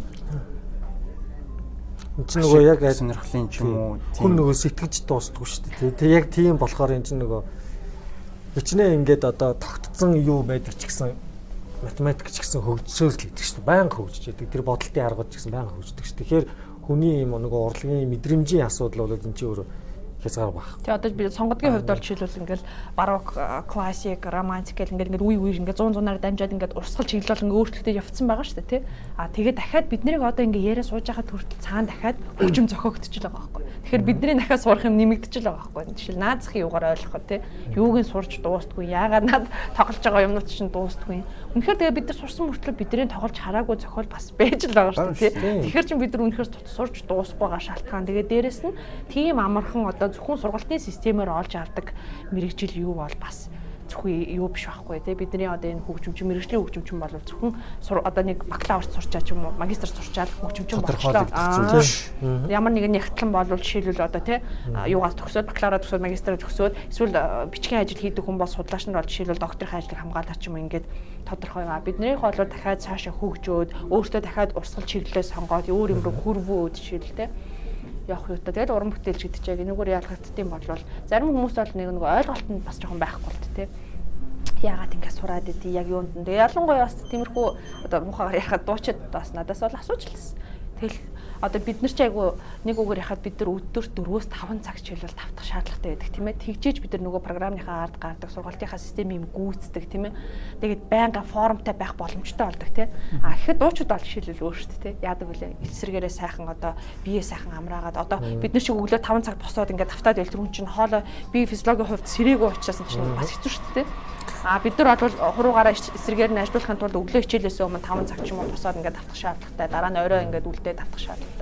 Тэгээд ингээл чи ингээл баг ингээл өглөө болгон ингээл 5 цаг тавтдаг. Тэгээд өдөр болгон ингээл 5 5 6 цаг тавтдаг. Тэгээд одоо энэ үр дүн чи одоо яг юуны төлөө те үр дүн чи хаана байгаа? Бид нар баг ингээл мундаг ингээл гадаад дотоодын конкурсанд ингээд та нар хаана байгаа? Тийм асууж байсан хүмүүс бол байдаг одоо ч тийм бодолтой хүмүүс бол магадгүй байгаа. Яа тэгвэл дуучид хамаагүй хөгжимчдийг бодвол дэлхийн конкурсад гарч ирлаа, дэлхийн театруудаар ажиллаад эхэлж эхлэе. Урдныхаа бодвол тийм ээ биднээс арай илүү дэлхийд Монголоо арай таниулж иж магадгүй. Тэгээ тийм бодолтой хүмүүс ч бас байгаа. Тэгээ би нэг би зүгээр ингэж боддгийн одоо хүүхдүүдтэй оюутнуудтай ч гэсэн би зүгээр одоо яг арай том болснууд нэг тиймэрхүү зөвлөгөө ийм байхыг хичээх би өөрөө ч гэсэн хичээдэг байхгүй юу. Тэгээ би нэг ийм нөгөө мэрэгжлийн гэсэн нэг үгийн ингээд нэг юм тодорхойлтыг хаанаас ч үл харж ирсэн байхгүй нэлээ олон жил. Тэгээ тэр тодорхойлт дээр юу гэж хэлсэн бэ гэхээр ямар зүйлийг одоо мэрэгжлийн одоо нөгөө professional гэдээ ярихаар ямар хүнийг те ямар мэрэгчлэлтний мэрэгжлийн гэж хэлээд байгаа. Тэгэхээр нэг л яг юм хогтон байсан л та. Юу ч болж исэн. Тэгээ ямар ч нөхцөл байдлаас үл хамааран яг өөрийнхөө хийх ёстой юмыг хийх ёстой цагта тогтмол хизээж зогсолтгүй хийдэг одоо хүнийг тийм мэрэгчлэтнэг ч юм уу яг тэр хүнийг мэрэгжлийн гэж хэлнэ. Энэ бол яг мэрэгжлийн гэсэн тодтгол гэж байсан бохоггүй. Тэгээд би өөрөө ч гэсэн яг нэг тиймэрхүү яг үнэхээр тийм ялангуяа энэ бол бидний хувьд бол бүр маш одоо чухал зүйл санагдсан л та. Тэгээд одоо яг л тэр нөгөө хэрвээ чи яг мэрэгжлийн уран бүтээлч мэрэгжлийн хөгжимчин байхыг хүсэж байгаа бол давтах ёстой чамд цаг хугацаа гэж байна те? Тэрийг алдаж болохгүй. Жишээ нь одоо би өөртөө нэг тийм одоо юу барьдаг одоо чамд тоглох ёстой хугацаа гэж ивэл чи тэрийг алдахгүй тоглох ёстой давтах ёстой цагийг гүйцэд гаргах ёстой хийх ёстой юм а гадаа янз бүрийн ямар нэгэн асуудал болж иж болно эргэн тойронд юу ч болж иж болно гэхдээ тэр хийх ёстой юм бол хийж явах юм бол чи өөрийгөө мэрэгжлийн хэмжээнд байлгахыг хүсэж байгаа бол яг тийм л байх хэрэгтэй гэсэн тийм нэг одоо зарчим гэхэд хаашаа зүгээр тийм бодол байдаг байхгүй. Тэгэхээр одоо би нэг оюутнуудыгаа ч гэсэн чи хэрвээ мэрэгжлийн хүчинчин болох гэж байгаа бол яг иймэрхүү юг өөртөө ингэж шаардлага тавиад энэ дагуугаа а бусад асуудлууд бол өөр шүү дээ. Хүжим гэдэг чинь өөрөө тийм ээ одоо юу гэх юм Жишээ нь миний хөгжим нэг хүн таалагдаад нөгөө хүнд таалагдахгүй байж болно шүү дээ тийм ээ. Тийм асуудал бол энэ урлагчийн өөр мэдрэмжийн юм юуны асуудал. А тэгэхдээ би тэр өөрийнхөө хийж байгаа юм а яг мэрэгжлийн төвшөнд яг юуныхаа тэр нөгөө нэг мэдрэмжийн тал мэдрэмж нь мэдээж байгаа. Гэхдээ хийх ёстой юм а яг цаг үргэлж хийн гэдэг нь их чухал юм байна л гэж боддгийн. Тийм шүү. Одоо жишээлбэл юу вэ шүү дээ. Аа манай сургуульд одоо элсэж орж байгаа эсэгч эсэгч нар одоо 6 настай гооч байна. Одоо тэр нөгөө дунд ангиас орж байгаа ч гэсэн 5 7 тийм. Бүжигт байна, үлээр хөгжим байна, үндэсний хөгжим байна тийм. Тийм бүжиг цирк гэдэг бүх бүх юугаар авч байгаа хүмүүс. Гэтэ дийлэнхт одоо ингээд сонгодог урлагийн ч юм уу одоо нарийн мэрэгжил ингээд хэлээд байгаа шүү дээ. Энэ мэрэгжлэр явж байгаа одоо эцэг эхчүүдэд жишээ хандаад хэлэхэд яг нөгөө юунд орж байгаа маш их судалж маш сайн бодож иж сонгож орох хэрэгтэй. Тэгэхгүй бол одоо түрүүн яг үргэлжийн байнгын гэж яриад байна шүү дээ. Энэ давталтын цуцшгүй тий хөдөлмөр хөдөлмөрлөх тийм зүйлийг яриад. Тэр зүйлийг хангаж өгөх хэрэгтэй. Тэгээ тэр боломжийг олгох хэрэгтэй. Аль алин тэр ингээд ярихад надад бас нэг тийм бодлоодыг угаасаа сонгодог үрлэг бол нарийн тооцоол тий. Маш нарийн тооцоол тооцоол сэтгэн бодох чадвар байна тий. Ургуулan бодох чадвар байна. Тийм төвчээр байна. Тим юм суралцуулах хэрэгтэй. Тэгээд яг ингээ оруулчаад нэг жил ч юм уу дагчаад ингээ хайчих ч юм уу эсвэл жоохон юм салгарцсан байдалтай ч юм уу. Тэгэхээр ер нь бол тийм нэг системтэй байнгын гэдэг тийм зүйл чинь алдагдахаар яач удсан? Байнгын хөгжиж исэн байнгын хөгжингүү байсан хүмүүсийн бичсэн уран бүтээлүүд тоглогдох нь тоглогдохгүй хахаас үр аргагүй. Тэгээд одоо ингээд нэг яг урлагийн хүмүүсээс асуух ч юм уу эсвэл одоо дийлэнхтэй сонгож тоглож байгаа урын сангийн харахад классицизмын зохиолууд маш бага тоглогдсон Монголд. Тий. Яагаад? Би одоо энийг энийг ингээд асуумаар л үзье. Одоо жишээл яг классицизм формын хувьд ч бай, а динамикийн хувьд ч бай хамгийн том нөлөөтэй. Энэ бол миний л хувьд хэлбэрийн хувьд санаатны хэлбэр байна тий концертны хэлэхэд. Яагаад энэ зүйлүүд баг тоглогдож байна Тэгээд дээрэс нь эн чинь нэг нэг юм зарчимж байдал ч юм уу эсвэл нэг тийм зарчмууд яриад байна шүү дээ тийм энэ хэлбэр энийг алдагдуулж болохгүй ерөнхий юм бүтнээр нь харах. Тэгээд нөгөө яг нөгөө чухал хэсэг найл байна. Үнэн бодтой зүйлийг олж харах. Тэрэнд нь илүү түлхэж зөвөх тэгээд дээрэс нөгөө яаж явж байгаа тэр нөгөө замнал тийшээ яаж очих байгаа тэндээс яаж бууж байгаа энэ бүх зүйлийг бид нэр дийлэнхтэй жишээлбэл мэдээж орс хөгжмийг маш их төвлөрдөг энэ классицизм гэхээс илүү сүүл үеийн классицизм тэгээд романтик урсгалыг илүү их төвлөрдөг шүү. Баг зүйлүүд хүртэл маш их чухалчилж жоохон ч гэсэн асуудлууд маш том асуудалтай дүүцхүүц хэмжээний нерв хүч зардаг шүү. Тэр энэ яг бидний нэг амьдарч байгаа юутэй илүү ойрхон юм шиг санагдаад байна. Тэгэхээр нэг жоохон дүрм журамтай аль болох нөгөө өөрийн хариуцсан үргээ ухамсарлах илүү хэрэгтэй юм шүү. Дан ганц нөгөө бүх хүмүүс яриаг шүү бас урлагийн бид нар ч гэсэн. Тэгэхээр хүүхдээ ямар сургуульд орж байгааг нь мэдэх хэрэгтэй, ямар орчинд өрч байгааг нь хэрэгтэй ямар байдалтай цаашаа үргэлжлэхийг мэдж байгаа юм чи судлаа сайн тэрийг тийм амар биш шүү гэдэг ихнээсээ ойлгох хэрэгтэй. Туслах хэрэгтэй. Маш сайн туслах. Ялангуяа гой дуулдаг ингээл авьяастай ингээл хөгжмийн сургуульд ав ингээл айгу. Ялангуяа одоо энэ нөгөө сургалтын төвд их болсон шүү дээ тийм. Энэ бол маш зөв. Нэг нэг талаас бол маш зөв. Тэгээд яагаад тэр урлагаар явуулах гэдэг вэ? Тэрийг бас сайн ойлгох хэрэгтэй. Эцэг эхчүүд би ч гэсэн эцэг хүн тийм тийм учраас тэрийг ойлгох хэрэгтэй. Тэгээд энийг дэмжиж байгаа сайн боловч буруу нэг а яг мэрэгжлэх болох уугүй юу гэдгээ бас сайн бодох хэрэгтэй. Эсвэл зүгээр сонирхлоороо сайхан сургалтын төвүүдэд сураад өөр багш нараар заалгаад явах боломжтой. Тэгээ нэг юм хөгжих гэдэг урагшлах зүйлийг л бас жоохон ирмэлцэх хэрэгтэй юм л да. Гэснээс нөгөө 4 жил тогсон ч байна нэг зохиолоо л ингээл тоглоод идэг 5 жил сурсан ч гэсэн нэг зохиолоо л тоглоод идэг. Эсвэл заавал тэрийг ингээд нэг сарын дараа би нэг тийм зар харсан байхгүй. Таны хүүхдийн нэг сарын дотор тоглоод сургана гэсэн. Тэгээ би бүр гайхаад Аа за за. Тэгвэл энэ яг нөгөө эдийн засгч хүн ч юм уу эсвэл нэг бас нэг өөр талаасаа Би бүр тийм харсан. 20 мянган төгрөг онлайн нөгөө хичээл та энийг үзснээр мэрэгжлийн хөгжимчтэй ижилхэн одоо төвшөнд тоглож чадна. Тэгэхээр чи эн чинь бас нэг юм жоохон юу байх хэрэгтэй л байна л да. Цензурч юм уу тий? Тэгээ тэрийг хэн тавих ёстой юм? Бид нэр тавих ёстой мó эсвэл тэр одоо яам тамгийн газар хийх ёстой мó хэн хийх ёстой? Одоо тэгэл одоо дуртай олгон хөгжим заагаал үндэсний хөгжим тоглодог ч юм уу эсвэл өөр юм хийдэг хүмүүс хөгжим хөглөө, хөгжим зарах тий одоо юу л бол юу л хийгээд яг үл энэ хэрэгцээ байгаа хгүй. Одоо энэ ингээ эсрэгээр бүр бизнес болчихсон тий. Эсрэгээр хүнд боловсрал орлох биш. Эсрэгээр бизнес чиглэлгүй явчихсан тий. Зүгээр эсвэл ингээ байшин түрээстэл хөгжмөө тавчир тавиал хин дуртай нач хөгжим заагаал тий. Тэгэхээр энэ нөгөө нэг эргээд бидний ярьсан яриатай ерөөхдөө бол нэг дүцхүү зижилхэн. Одоо YouTube гарснаас ч юм уу эсвэл энэ сошиал ертөнцийн илүү нээлттэй болсноос болоод хүүхдүүд нөгөө авч байгаа зохиолуудаа олдц их байгаа учраас хэнийг тоглосон, хэний яаж тоглосон хамаагүй, хаана яаж тоглосон хамаагүй олдож байгаа юм чинь зүгээр хэний ч байсан хамаагүй юмыг сонсоод тэгээд хамгийн гол нь партаа чараагүй, текстээ чараагүй, номооч уншаагүй Тэгээд нөгөө тоглож байгаа хүнийхээ нэрийг ч мэдэхгүй. Хинийхэр сонсноо ч мэдэхгүй. Тэгэхээр нөгөө энэ чинь нөгөө нэг яг аль сургалтын төвд очих вэ? Хин дээр юу сурах вэ? Ер нь яах вэ? Яагаад ийшээ ингэж орж ийнө гэдгийг маш сайн судлах хэрэгтэй. Ерөнхийдөө. Тэгээ бас манай нөгөө мэдээлэл хитрхээ баг байна. Яг энэ талаар бол өгж байгаа. Нөгөө маас нь одоо чинь яг ийм нөгөө сонгодог хөгжим зааж байгаа багш нар ч юм уу сонгодог одоо уран бүтээлчд тийм ээ.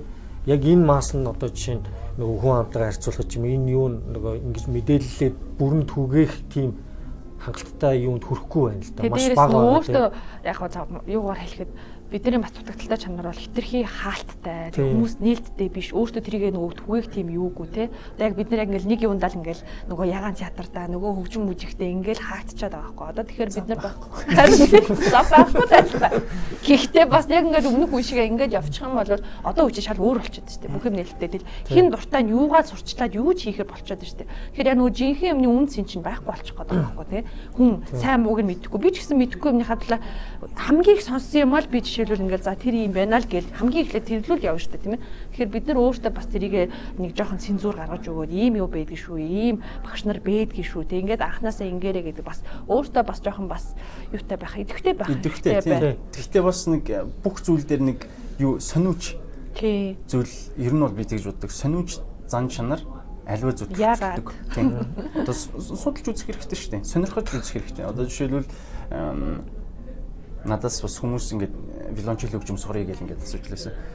Би бол тодорхой э, хугацаанд бол заахгүй гэдэг байсан. Ер нь бол гэхдээ одоо ч гэсэн нэг ер нь тийм нэг юутэй биш л дээ. Ягаад тэгэхээр энэ надад нөлөөлдөг байсан байхгүй. Жишээл одоо яах яах чаргагүй мэрэгжлийн болно гэд явж байгаа хүн мэрэгжлийн хүн сургана гэж байгаа бодож байгаа хүн шал сонирхогчор ч юм уу тэгээд хүрээд ирэхэд бол энэ нэг талаас нөгөө эн чинь нөгөө харилцсан харилцаан дээрээс явагдаж байгаа сургалт учраас тэр хүн надад нөлөөлнө тэр хүнээс би суралцсан тэр хүн надаас суралцсан гэж байгаа зүйл учраас тэр хүний нөгөө гаргаж байгаа энерги ч гэсэн жоохон тийм өөр маяг өөр талаасаа байх юм бол надад илүү жоохон юу санагддаг. Чинь ажлын ажилд хандж байгаа хандлага ч юм бүтээлч байдлаас илүү. Гэхдээ бас нэг тодорхой хэмжээний нэг сурах юу байна л да. Нас гэж байна. Тэгээд э, сонирхлоороо ингээд сурж байгаа ерөнхийдөө эцэг эхчүүд маань нөгөө чанараа биш илүү их нөгөө хэлбэр талаа хараад байх шиг санагдаад байдیں۔ хүүхдээ одоо ийм юм сургаж байгаа манай хүүхэд хийл сурдаг ч юм уу тийм манай хүүхэд төгөлдөр а төгөлдөр өөрөө яаж сураад ямар гоо тоглодгийг яг тэрнээс хүүхэд нь яаж хөгжих юм тийм ээ цаашаагаа яаж юунд хэрэг болох юм тэр нь яг тэр зүйлийг нь илүү бодхоос илүү заа яхаа хүүхдээ тэгээд нэг илүү нөгөө хэлбэр талаас нь хараад тэгээ хүүхдээ авчираад тэгээд нөгөө багш хүүхдийг нэг юм сургана гэсэн нэг тийм ойлголт байж тээ тий багш авчираад өгчин за одоо манай хүүхэд үгжим тэгээд тэр нэг буруу ойлголтоосоо болоод жишээ нөгөө хуваарь сурж байгаа хүүхд чинь өөрөө хөгжмөө давтахгүй болвол яах вүлээ тийм ээ. А тэгээд хуваараа сонирхчоор сууж байгаа хүүхдийг багш мэдээж нөгөө сургуулийн төвшний тийм шахалтыг одоо шаардлага тавих боломжгүй байдаг тэгэн гот тэгээд энэ дээрээс асуудал гарахаар мэдээж хуваараа хөгжим сонирхож байгаа нь сайн. А гэхдээ тэр нь үр дүнгийн хувьд жоохон таархан болоод байгаа тийм Тийм хүмүүс яг наадах ч ерөөсөө ойлгодог. Одоо манай хүүхд хэдэн сар сурвал одоо нэг тоглолдог болох вэ? Өөрөө нотоо уншаад ингээд тоглолдог болох вэ гэдэг байхгүй. А би ерөөхдөө бол хэлдэг. Үнэхээр нөгөө хичээл зүтгэлтэй яг өгсөн даалгаврыг доор бүрнийг хийчдэг хүүхдүүд бол яг 3 4 сар гэхэд аль хэзээ бас ингээд хурх уншдаг болоо. Тэгэд бас тэр хүүхдийн наснаас хамаарна. Үнэхээр 5 6 настай хүүхд бол бас тэгж хурдан явах процесс явж чадахгүй. Чи өөрөө мундаг байж чадсан. Дээрэс нь тэр хүүхдүүд нөгөө дөнгөж сууж сурж байгаа учраас яг удаанаар суугаад нөгөөтгөө олон удаа давтаад тийх боломж байхгүй. Тэгэхээр үр дүн мэдээ жоохон урт хугацаанд явагдаж таарна. Нас хэрвээ 9 10 нас гэдэг чинь бол бас яг дундарч нас тийм ээ.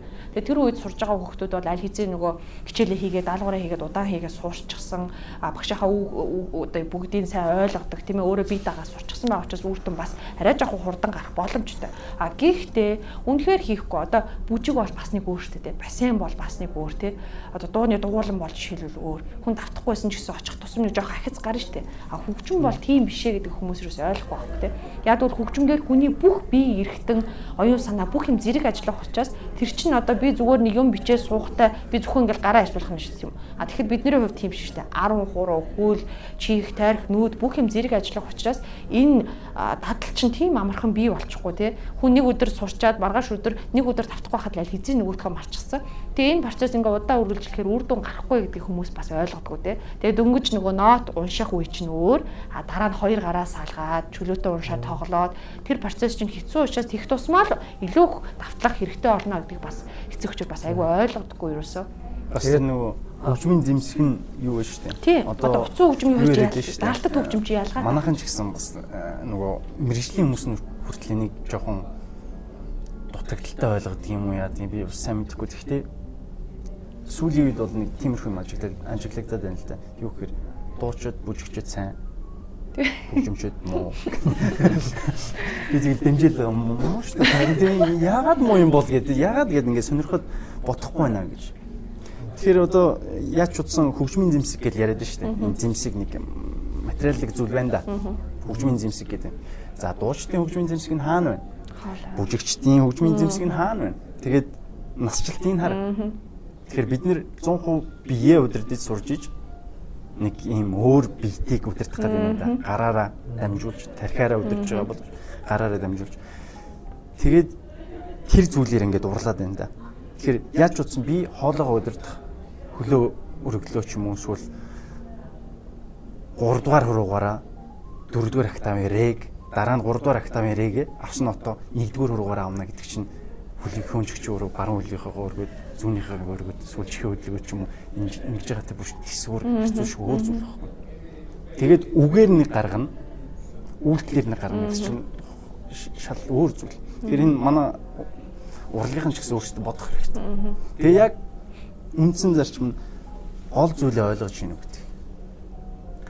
Тэр гармон ойлгож байгаа мó? Тэр дүрээ ойлгож байгаа мó? Ерөхий тэр бүтцээ ойлгож байгаа мó? Зөвхөн арьягаа ойлгож дуулж байгаа мó? Энэ бүгдээрээ нэг юм нэг харилцан уялдаатай зүйл. Тэгэхээр нөгөө нэг координац гэж яриад байгаа түрүүн баруун зүүн тарих ч юм уу эсвэл нэг баруун зүүн гарын тохиролцоо уялдаанаас болж энэ бүгдээр үүсэж байгаа чинь энтэй холбоотой. Тэгэхээр нэг тийм дээрээс нь одоо яагаад энэ хөгжмийн зэмсэг гэдэг зүйл биднэрт тус болохоос илүү илүү их юм хоошин татж байна гэдэг зүйл дээр авч үзэх. Тэгэхээр оркестрийн хөгжимчд байна. Манайд оркестр сайхан дуурахгүй байна. Зарим чиглэж ер нь амархан шүү дээ. Хүн болгонд тэгж ярьж байна. Дууртч бол бүжигчт нь сайн ям зууж байгаа хөгжимчт нь жоо тааруу дуурайдаг тий. Уг нь би тийм бичлэг сонссон чинь ингэж дуурайд тэгж бодож ирсэн чинь гэл. Тэгээ хөгжмийн дэвсгийг бодоод үзсэн. Тэгэхээр одоо манай улс төрөөсч бай тий ям тэр дээгүүр шийдэж өгөх газрууд байвал уг нь энийг нэг яг тийм бодлоготойгоор тэгээ зүгээр нэг юм сурталчилгааны эсвэл нэг юм гинтийн яарсан ч юм уу тийм байдлаар шийдээд за за одоо ер нь тэдэн тэр бумаар танад хөгжим авч өгнө. Сонгуулийн өмнө хонж одоо ингэнэ гэдэг ч юм уу тийм байдлаар биш. Эн чин байнгын юм бодлого ч юм бол үргэлжилсэн бүр байнгаар явах хэрэгтэй. Тэрнээс нэг удаад л нэг 4 жилдээ ганц удаа сонголоо. Одоо манайх чинь нэг заал гэдэг маш хэцүү юм байна тийм ээ. Тэгээ одоо өгчиж бас нэг дараа нь юм яа штэ тийм. Ингээд боломжийг олгож одоо шинэ одоо үсэлтэй мэрэгжлийн яг тийм тийм акустик заал байхгүй байжж дууралтын талаар ингээд айгүй айхтар юм яриад байх. Ямс боломжгүй үнслэлгүй болчихж байгаа байхгүй. Одоо жишээ заалыг жишээ тоглож үзээгүй хүн яаж тэрийг одоо жишээ тэр дууралтыг ялах юм. Одоо жишээлбэл та хоёрын хувьд жишээлбэл яагаад жишээлбэл филармон юунд ажиллаж болох ажиллахгүй байгаа. Дуурийн театрт. Одоо жишээл хөгжимчин хүн жишээлбэл ажиллах боломжтой газар бол одоо манад бол филармон дуурийн театр биш үү? Одоо оркестр цуух боломж бол манай э, улсын байгууллага чинь 5 дуу шүү. Энэ 5-ыг чинь манай сургууль яг ингэж хангаж байгаа шүү дээ. Ер нь бол бодлогын ер нь бол ингэж харахад чинь нэг тийм ойлгомжгүй ч юм уу ойлгох хэцүү зүйл биш боловч хаанаа юм мэдгүй айгу маш хэцүү байдаг шүү дээ. Одоо жишээл яг ингэ бодлогоор жил болгон эсэлд авчлаа. Тэрийг 12 жилийн урт хугацааны дараа тэр хүн яг тэр ажил дээр байх уу гэдэг чинь бас өөр тэр ажлын хангаж байгаа байгууллагууд байх уу, уршин тогтнох уу.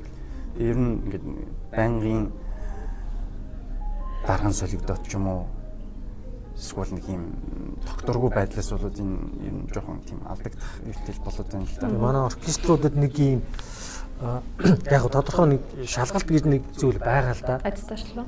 Гөө гөө ажилд ороход нэг шалгалт гэж зүйл бол байгаа. Гэхдээ ерөнхийдөө нэг манад нэг нөгөө хүний нөөцийн бодлого гэж нэг юм идэг шүү дээ. Тэгээд тиймэрхүү бодлого жим манай хөгжмөжгийн хувьд ч алга байна.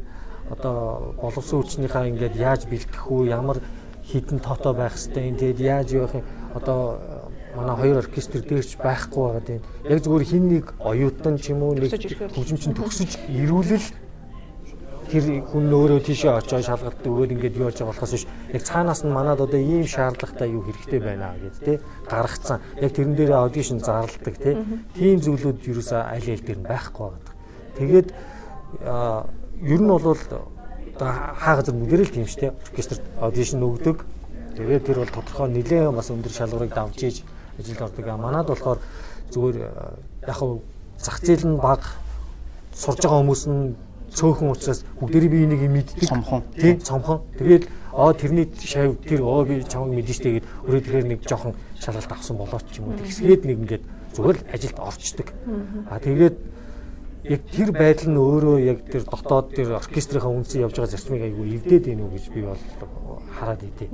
А тэгэхгүй боловсон хүчин дутагдaltaй байна уу хөгжимчин шаардлагатай байна уу? Бай шаардлагатай байна. А тэгвэл тэрийг нөхөх гээд бас өөрснөө яг өөрснийхээ шаардлага хангахгүй хөгжимчнийг зүгээр авъя гэвэл яг тэр шаардлага нь хангаж байгаа юм уу үгүй юм уу хэцүү шүү дээ тийм ээ яг шаардлага хангаагүй хөгжимчнийг ч юм уу зүгээр ингээд заах хүн хэрэгтэйгээд авчих юм бол тэр чинь тэгээд шаардлага хангаагүй л гэсэн үг байхгүй шаардлага хангагдаагүй гэсэн. Тэгэхээр яг тэр тал дээр бас нэг бодлогоо өөрчлөхгүй болвол шинэ нэг тийм бид нэр ярьдаг штэ нэг тийм сул орон зай байгаад идэг яаж иж байгаад сургуулийг нэг коллежийн төвшөнд төгсчдөг. Тэгээд амьдрал дээр гараад ажилдаа болчдөг.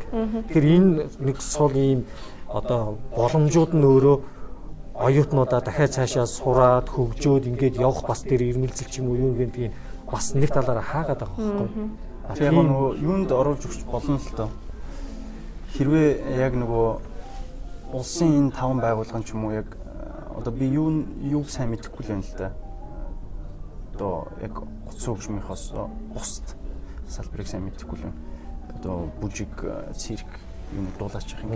Мэдээж арай өөр байж магадгүй. Гэхдээ сургалтанд нь одоо дөөр юм уу филармонд юугаар кредит авах журмаар улсын байгууллагт одоо нэг энэ чинь бол хичээлийн цаг гэж явах маягаар суулгаж үзүүлэх хэрэгтэй. Гэхдээ одоо хүн болгон юу болохгүй шүү дээ. Одоо жишээлбэл гоцлооч болохгүй тий. одоо төгөлдөр хуурч болгон гоцлооч болохгүй дуучин болгон тийм болохгүй. Тэгэхээр бас нэг тэр нөгөө туршилтыг хийж үзэх хэрэгтэй. Өөрсдөө оюутнууд ч гэсэн тэрийг арай сургууль санал болгох хэрэгтэй. Үгүйсээ аль сургууль оркестр юу явдаг шүү дээ. Манайч гэсэн явж байгаа. Гэхдээ эн чинь мэрэгжлийн байгууллагт яаж явагдаж байна эсвэл сургалтын хувьд ямар явагдаж байна гэж ядаж нэг 2 семестрийнхаа нэгэнд нь ч юм уу дүүрийн театр ч юм уу эсвэл филармон дээр яг симфони тоглоод ч юм уу эсвэл яг дүүрийн ард эсвэл яг бүжгийн жүжигийн ард ч юм уу тоглоод үзэх хэрэгтэй. Яг удирдахчтай яг ажиллах. Ажиллаж тэгж үзэх хэрэгтэй. Тэхүүгээр яг юу яана гэж хэлсэн. Тэгээ дээрэс нь би дахиад хэлэх гээд юм. Үлээврийн хөгжмийн зэмсэг зэмсгийн яриад байна шүү, тийм. Уц хөгжмийн зэмсэг төгөлдөр уурч гэсэн ялгаагүй. Энийгээр хангах хэрэгтэй. Тэгэхгүй тэгэл нөгөө нөгөөдүүл нь муу гэл. Бас нэг байнгын нэг за ядаж нэг тодорхой нэг хідэн жилийн дотор энийг бүр бодлогоор ингэж юу яаж явах хэрэгтэй? Хангаж өгч явах хэрэгтэй. Хангаж байхгүй бол угаасаа явахгүй. Тэгээд ялангуяа найрал хөгжим симфони найрал хөгжмийн за 80-аас дээш шүүн үлээвэр дээрээ суурлагдаж байна.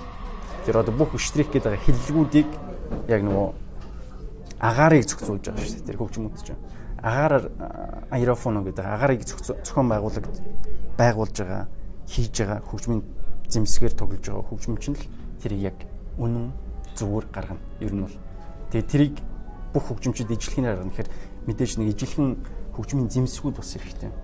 Одоо нэг үе бодох юм бол хойно төгссөн, ер нь гадаад төгссөн юмнууд үлээврийн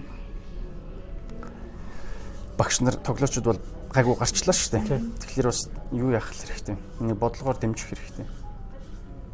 За ингээд өнөөдрийн подкаст маань ингээд үүгээр өндөрлж байна. Ягаад гэхээр мэдээж ярих сэдв бол маш том хүрээнд байгаа гэсэн ч нэвтрүүлгийн маань цаг юм цаг хугацаатай учраас ингээд хугацаандаа баригдаад одоо ингээд дуусахаас аргагүй болж байна. Ингээд өнөөдрийн урилгыг хүлээн авч сонирхолтой яриа өрнөсөн та хоёртаа маш их баярлалаа.